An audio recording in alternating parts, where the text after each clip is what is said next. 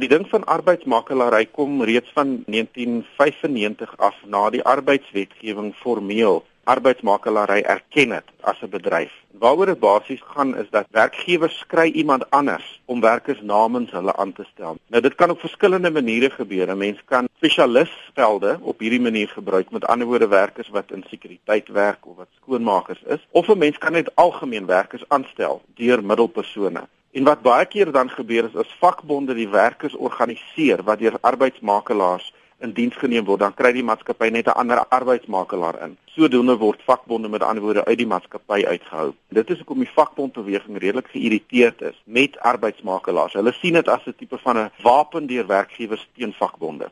Watter rol vervul arbeidsmakelaars in 'n arbeidsmark?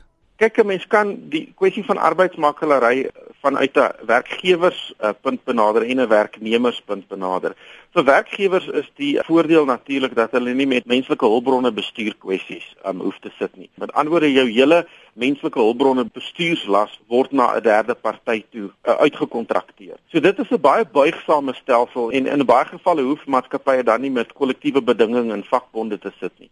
Van 'n werknemers uh, punt af is daar verskillende posisies. Die verskillende vakbonde het verskillende posisies ingeneem vir Dusa is nie so teen arbeidsmakelaary nie want baie van hulle werkers is hoogs geskoolde mense wat deur arbeidsmakelaars werk en vir hulle werk dit. Maar vir werkers wat lae vlakke van vaardighede het, is dit die nadeel daarvan dat hulle eintlik nogal uitgebuit kan word sonder werklike beskerming deur arbeidswetgewing. Of vanuit inligting van Erkop se indiensnemingsindeks vir my sorg arbeidsmakelaary vir 7.5% van die land se indiensneming.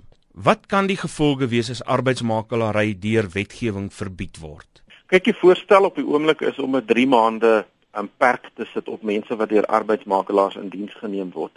Met ander woorde, arbeidsmakelaary vir werkers wat werklik op 'n tydelike basis aangestel word, sal steeds toegelaat word. Maar as mense vir langer as 3 maande deur 'n arbeidsmakelaar in diens geneem word, is die voorstel in die parlement nou vir daai persoon dan as beide 'n werknemer van die arbeidsmakelaar en die werklike maatskappy waar die arbeid gebruik gesien word. Ek dink wat die parlementariërs poog om te doen is om mense te kry om eerder 'n uh, tydelike werkers direk in diens te neem en nie deur 'n tussenparty te gaan nie. Kyk, daar's groot geld in arbeidsmakelaary en Adcoop is natuurlik self 'n arbeidsmakelaar. Daar's ook in die mynbedryf groot arbeidsmakelaarye. 'n Derde van werkers in platinemyne word deur arbeidsmakelaars in diens geneem en daar's van die groot arbeidsmakelaars word byvoorbeeld deur die Guptas besit. So dit gaan 'n interessante politieke kwessie moontlik ook word want hier word besigheidsbelange bedreig deur die wetgewing. So ek vermoed wie werklik gaan verloor is nie noodwendig werkers nie, maar die arbeidsmakelaars self as tussengangers. Die hele kwessie rondom arbeidsmakelaars soos wat dit tans daar uitsien kan dit 'n impak hê op die sakevertroue van die land? Kyk, hierdie kwessie is 'n globale kwessie. Dis nie net in Suid-Afrika waar daar moeilikheid rondom arbeidsmakelaary is nie. Die kwessie is in die internasionale arbeidsorganisasie bespreek. En daar's wêreldwyd eintlik nogal kommer oor die langertermyn gevolge van arbeidsmakelaary.